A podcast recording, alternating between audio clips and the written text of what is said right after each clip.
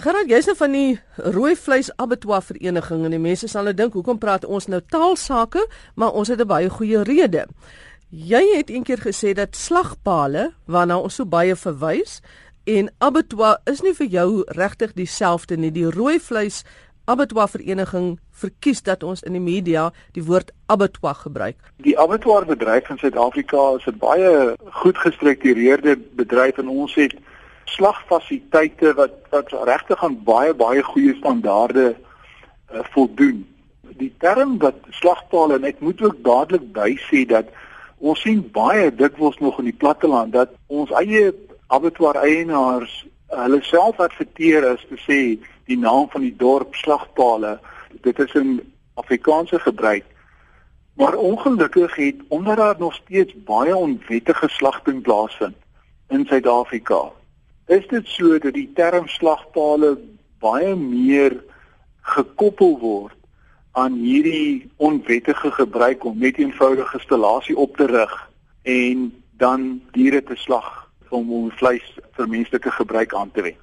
Die term slagpale het dus eintlik 'n baie het dit is 'n meer negatiewe konnektasie na onwettige aksie waar jy nou dood eenvoudige diere net ophang aan letterlik aan slagpale en om dus uh, slag. Die die woord abattoir mag dalk vreemd op die tong wees, maar dit is beslis die meer ehm uh, meer aanvaarbare term vir ons goedgekeurde abattoirs of slagfasiliteite of slaggeriewe wat geregistreer is by die departement van landbou en wat wel aan die nodige vereistes voldoen om te verseker dat dit 'n veilige produk is wat aan die verbruiker beskikbaar gestel word.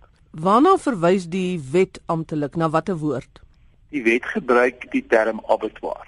So in ons regulasies is daar 'n verwysing wat praat van ja, as 'n abattoir. Het julle al by die woordeboek gaan aanklop? Wat sê hulle? Wat is die korrekte ene of is albei korrek? Uh nee, albei is korrek. Die woordeboek praat ook van van slaggeriewe en ook die woord slagfasiliteit. So dit verwys wel na albei. Julle wil net graag hê dat daar nie na slagpale verwys word nie dat jy maar kan ook gepraat word van 'n slagfasiliteit. Dis reg. Na 'n slagfasiliteit of 'n slaggerief of 'n abattoir. 'n Interessante woord wat julle ook gebruik is die na 'n slagfasiliteit of 'n abattoir verwys as 'n goedgekeurde fasiliteit vir die dressering van 'n slagdier. Verduidelik vir ons dressering?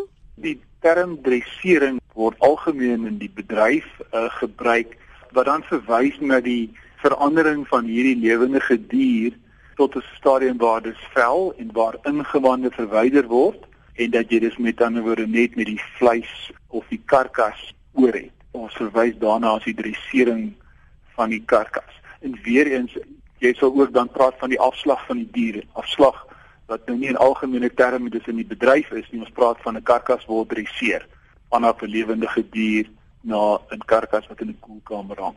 Aldus Gerard Neetling, die bestuurder van die Rooi Vleis Abattoir Vereniging. Voordat ons verder gaan, kom ons hoor net eers by professor Ernst Kotse, ons taalman, waar die woord abattoir vandaan kom. Ja, abattoir is uh, afkomstig van die Franse werkwoord abattre wat beteken eintlik jag oorspronklik en in die moderne betekenis nog so, maar dit beteken ook slag en hulle gebruik ook die meervoudsvorm abattoir met 'n s hoewel dit nie uitgespreek word nie, jy weet vir slagpale. So dit is is maar eintlik 'n Franse uh, vorm wat miskien as 'n tegniese term paskoplek gekry het in die Afrikaanse woordeskat wat dit betref. Hoekom sou dit dan net so van die Frans af in Afrikaans gekom het as ons dan 'n woord soos slagplaas of dan nou slagfasiliteit kan hê? Ja, kyk, die die etimologie daarvan is uh uh die mense kan spekuleer daaroor, maar ek dink dit kom waarskynlik vanuit die Nederlandse 'n tegniese terminologie wat gebruik is om Afrikaanse standaardvorm van Afrikaans in sy tegniese uh, toepassings uh, te te verstewig. Ek dink dit is ook een van die beginsels van van die AWS dat mense nie te ver probeer afwyk van van oorspronklike terme nie. Maar ek dink uh, slagpaal is, jy weet vir my, jy weet 'n baie meer deursigtige vorm in elk geval. Abattoir is nou maar, jy weet 'n benaming, 'n etiket wat gegee word aan die wat mense daarmee assosieer.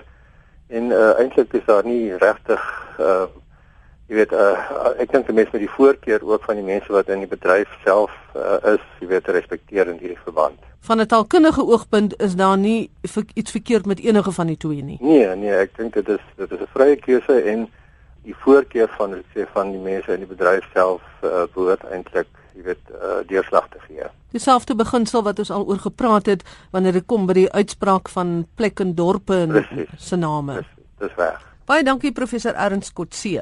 En voordat ons by ons taalspeletjie kom, gesels ek eers met professor Wannie Karstens. Hy is die direkteur van die skool vir tale by die Potchefstroom kampus van die Noordwes Universiteit.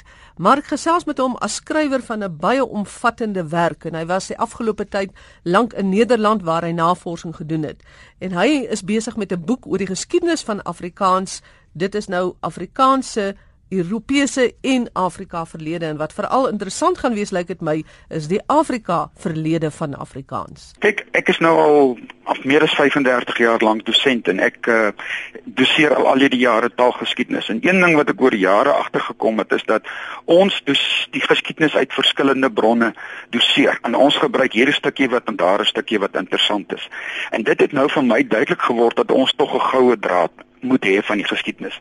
En nou met hierdie ervaring van van baie jare en ook die feit dat ek nou in Nederland tyd gehad het om lekker te lees en te dink, kon ek weer die hele storie van Afrikaans kyk.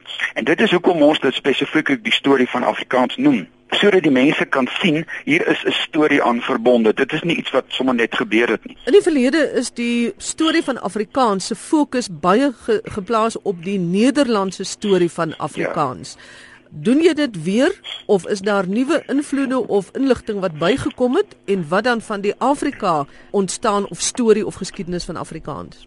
Magdalene, dit is nou waar die lekkerte van die boek lê is dat ek albei kan doen. Want dit gaan hierso om 'n stuk Europese geskiedenis en die, dan ook aan die ander kant die Afrika geskiedenis. Kyk wat mense oor die jare gemaak het. Is soos jy sê, bietjie op die Europese geskiedenis konsentreer of net op die Afrika geskiedenis. Maar aan die ander kant as jy as jy een of die ander een dan doen, dan doen jy nie die volle geskiedenis. En wat ek nou probeer is om die twee te kombineer. Kyk, mense sê baie keer vir ons uh, Afrikaans is 'n Afrika taal. Ja, Afrikaans is 'n Afrika taal daar's geen foute daarmee nie.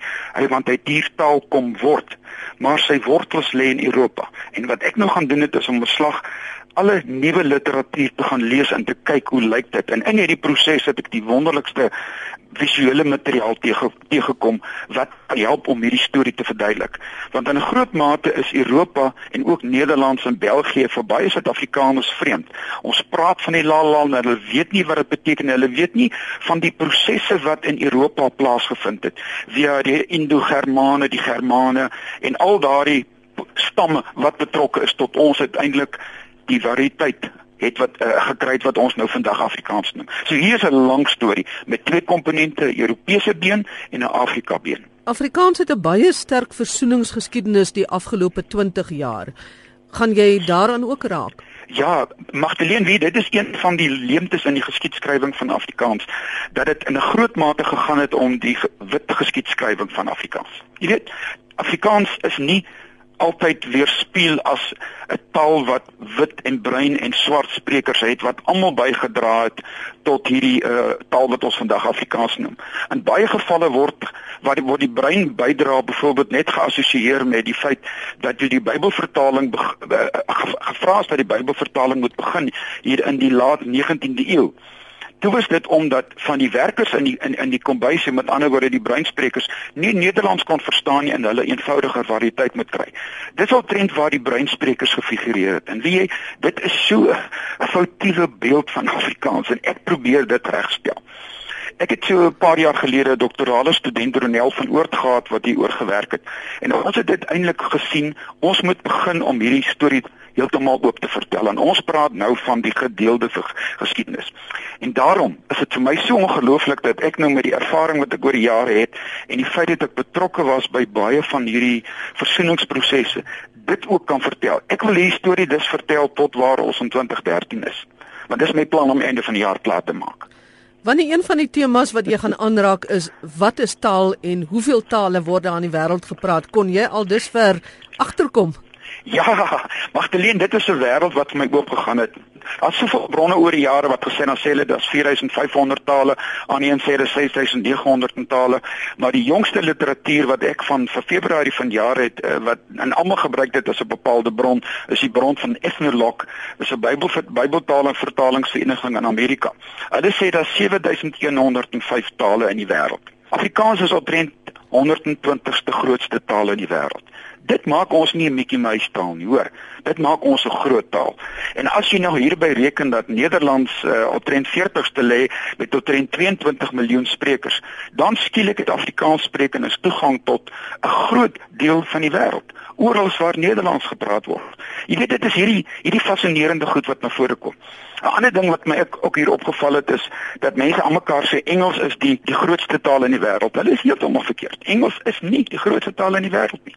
Engels is 'n belangrike taal. Daaroor kan ons nie stry nie. Ons miskien ons kan ek miskien sê dis die belangrikste kommunikasietaal in die wêreld. Maar die grootste taal in die wêreld is Chinees, spesifiek Mandarijn, omtrent met so 900 miljoen sprekers. En dan sit jy die ander Chinese variëteite by, dan kry jy omtrent 1.2 miljard sprekers van Chinees. Engels met sy eerste en tweede en derde en vierde taalsprekers is maar omtrent so by 500 000, 500 miljoen sprekers. So dit is die wonderlike goedes wat ek agter wat ek agtergekom het en wat ek in hierdie storie vertel. Jy het nou na China of die Chinese verwys, daar is 'n taal, 'n Chinese taal.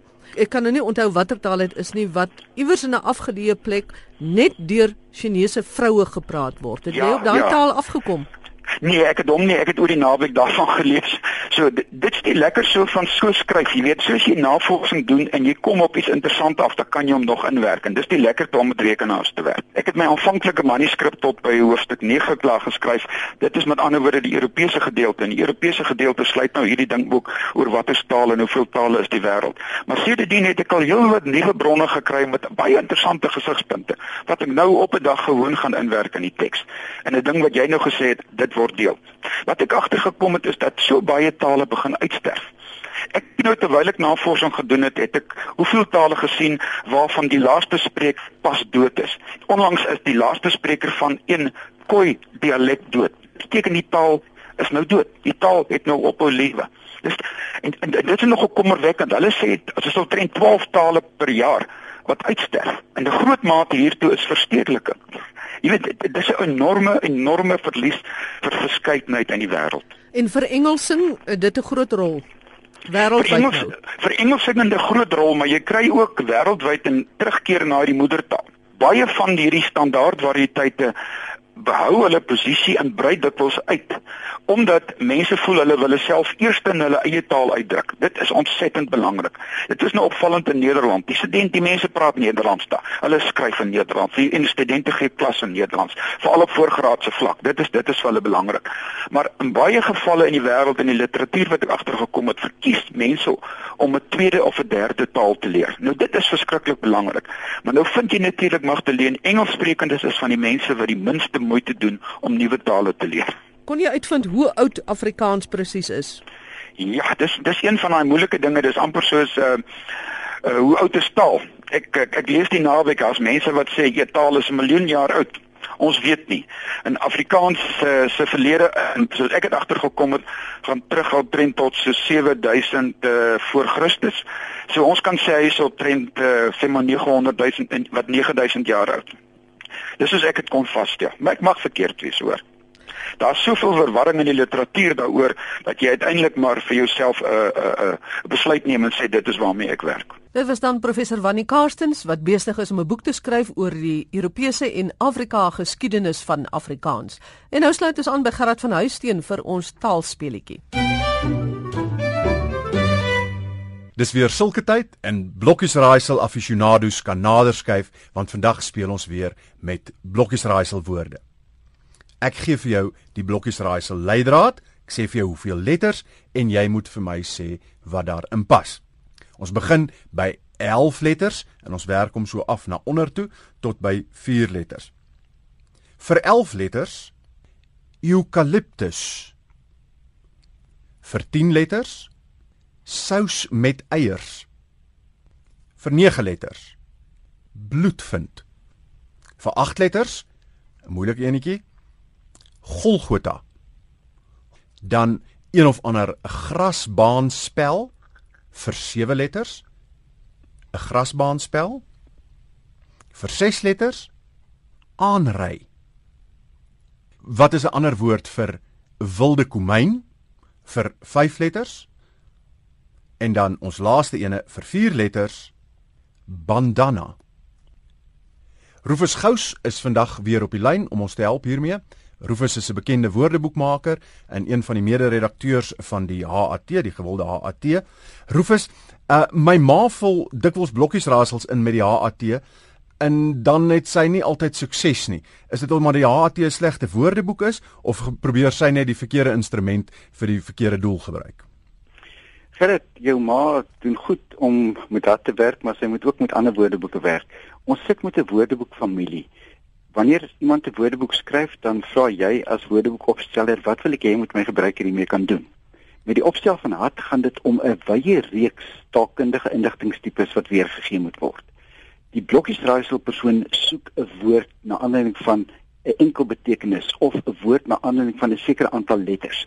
Daarvoor kry mens blokkiesraaisel woordeboeke. In 'n blokkiesraaisel woordeboek gaan jy byvoorbeeld 'n lysting kry juis hier is al jou 11 letter, hier is jou 10, hier is jou 9 letter woorde. Of jy gaan woorde kry wat in 'n sogenaamde retrograde orde in 'n omgekeerde volgorde is. Hy begin dus met die laaste letter van die woord en hy orden hom vorentoe. So jy het 'n blokkies raaisel waar jy die laaste 3 letters van het. En nou gaan kyk jy gou-gou onder daai laaste 3 letters in die retrograde lys. Of in elektroniese woordeboeke kan jy gewoon intik letter 1 en 3 en 9 en jy sit sterretjies tussenin en hy gaan soek uit daai woordeboek vir jou woorde wat daarmee het. 'n uh, Woordeboek word dus vir 'n spesifieke doel saamgestel en alle woordeboeke kan nie alles vir almal wees nie. Vir blokkies raaisels gaan dit jou help, maar 'n uh, blokraaisel woordeboek gaan jou nog meer help. Nou wat gaan 'n blokraaisel woordeboek vir ons sê oor eukaliptus met 11 letters? As jy na die 11 letter lysie toe gaan en jy soek mooi alfabeties, dan gaan jy by bloekomboom uh, uitkom en as jy nou 'n betekenisverklaring vir eukaliptus gekry het of van die lettertjies wat jy reeds uit die ander blokkies het pas daarbey in, dan gaan bloekomboom gewoon die stamboom wees waarna jy soek. Nou Rufus, die bloekom kan ook blougom wees, nie waar nie? Dis reg, ja. En dit kom van die van hoe die plant lyk. Dis reg, ja. Ons het in Engels ook nog die blue gum en die woord sê vir ons dis iets van hoe die saak van na die woord verwys lyk in hierdie geval. En dis nie blue gums nie want dan het jy te min suurstof gehad of so iets. Jy is heeltemal reg. Dan 'n sous met eiers vir 10 letters?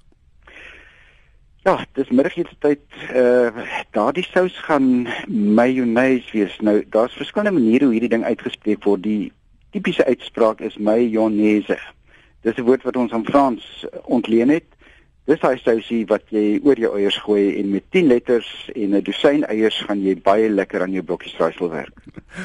Dan vir 9 letters 'n eh, bloed vind, dalk minder aangenaam. Minder aangenaam want die oplossing wat ons daar het is 'n woordjie karbonkel, maar daardie woordjie karbonkel is eintlik aangenaamer as die bloed vind. Want oorspronklik is karbonkel gebruik ook om na 'n edelsteen met 'n verhewe rooi kleur te verwys en daardie karbonkel het nog karbo in hom wat na steenkool verwys. En as op grond van die vormooreenkoms tussen 'n mooi edelsteen wat rooi is wat effens uitstaan wat die bloed vind ook daardie naam karbonkel gekry het. Hy staan ook soms bekend as 'n nege oog of 'n verronkel of 'n pitsweer of 'n steenpysie. Maar hulle het nie nege letters nie en karbonkel is jou nege letter woord wat uh, bloed vind uh, as oplossing gaan hê dan Golgotha vir 8 letters. In Engels het ons nog die woordjie Calvary en dit gaan terug na die Latyn Calvaria wat hoofskedel beteken en die Golgotha berg het die vorm van 'n skedel gehad. Ons het in Afrikaans ook die vorm Calvary en of Calvary berg, maar Calvary het 8 letters en dit word as 'n sinoniem vir Golgotha gesien. En vir die duidelikheid, ons spel dit K A L V A R I E Kalvarie. Dan 'n grasbaan spel vir sewe letters. Nou moet jy ook kyk wat 'n soort sport jy wil beoefen. Een van die goed wat jy kan beoefen as jy op die gras gaan speel en jy net sewe letters tot jou beskikking het en nie 'n 15 man kode nie, dan kom jy by kroutjie uit. En kroutjie gaan terug op die Franse vorm croquet en ag hy het 'n hele lang pad wat hy geloop het waarby ek nie nou wil stil staan nie, maar die belangrike vir ons is kroutjie K R O U K I E word in Afrikaans gebruik. Dis in Afrikaans erken om na hierdie spel te verwys wat jy op 'n grasbaan speel en omdat hy sewe letters het, gaan hy die nodige blokkies rassel op hier gee. Aanry vir 6 letters? Aanry uh met 6 letters, ja, jy ry gewoonlik iemand met 'n kar aan en ons het die woordjie karwei wat uh net mooi hier gaan inpas. As ons bietjie na die geskiedenis van karwei gaan kyk, die dingetjie het ook 'n lang paadjie gehad Ons het dit via Nederlands, maar dit gaan ook terug na die Franse vorm corvée en na middeleeuse Latyn corvata en corvada. En hy gaan nog verder terug na corrugata en dit is om werk op versoek te doen of om opgeroep te word tot verpligte diens. As jy iemand aanry, dan word jy dikwels verplig om hierdie diens te doen en dan karwei jy hom. Het karwei nie ook vir jou so 'n bietjie van 'n negatiewerige element as ek jou moet karwei dan is ek nou nie heeltemal dan is ek so 'n bietjie opgeroep vir diens. Ek dink dis juist die hele ding Gerrit. Jy weet daar sit daai konnotasie van ek doen dit nie regtig vrywillig nie of regtig omdat ek uh, groot liefde het om te doen nie, maar jy's in 'n nood of jy het my gevra. Nou goed man, ek sal jou karwei, maar uh môre sal ek jou aanry as ek gelukkiger verhoor saak. en ons spel die karwei K A R W E I W E I. Uh want dis belangrik want ons kom by die volgende ene wilde komyn vir 5 letters. En hier sit ons met 'n uh, woord wat net soos karwei wat ons nou pas gehad het klink. Ons het dus 'n uh, homofoon, maar hy word anders gespel en dit is die woordjie karwei K A R W Y. En daardie karwei wat dieselfde betekenis as wilde komyn het, het ons ook met 'n lang paadjie uit Latyn. In Latyn staan hierdie of die die eh, spesienaam van hierdie plant is die Carum carfi. En daardie carfi het met verloop van allerlei spelling en klankveranderinge by die Afrikaanse karwei K A R W Y uitgekom wat 'n vyfletter woord is as jy oor wilde komyn wil praat en dit nie wilde komyn wil noem nie. En ons kan dan seker praat van karwei kaas. Uh dan is dit kaas met lekker komyn, nê. Nee. Komyn kaas. ons laaste ene, uh was vir my 'n moeilike ene, bandana vir vier letters. Ja, uh bandana wat jy om jou kop deesdae bind, min mense gaan weet dat as jy vir hulle sê jy het 'n ikat, i k a t oor jou kop gebind dat dit 'n bandana is. Maar as jy 'n blokraaisel bandana met 'n vier letter woord wil vervang, dan is ikat die regte vorm I K A T. Ons weet 'n bandana is 'n doek, 'n groot katoen of 'n sy sakdoek en deesdae raak dit gewild. Ons sien verskeie tennisspelers wat met hul bandanas op die veld loop. Ons sien heel wat studente deesdae met bandanas. Dit het ook 'n betekeniswaarde gehad van 'n Oos-Indiese manier van stofversiering waar die die weefsel op plekke afgebind word voordat in die verfpad kom en dan jy sulke snaakse vlaammerk effekte, sulke vlam effekte uh wat jy verkry in hierdie bandana in hierdie doek. So is meestal 'n gekleurde doek wat jy het en 'n kat wat ons aan Maleis uh ontleen het, het dieselfde betekenis. Dit klink amper asof jy wat ek ken as batik beskryf. Ek dink daai goeters kom bymekaar uit. Dit kan saam in een doek geknoop word op die ou end. Rufus, baie dankie. Ek praat graag 'n volgende keer weer met jou.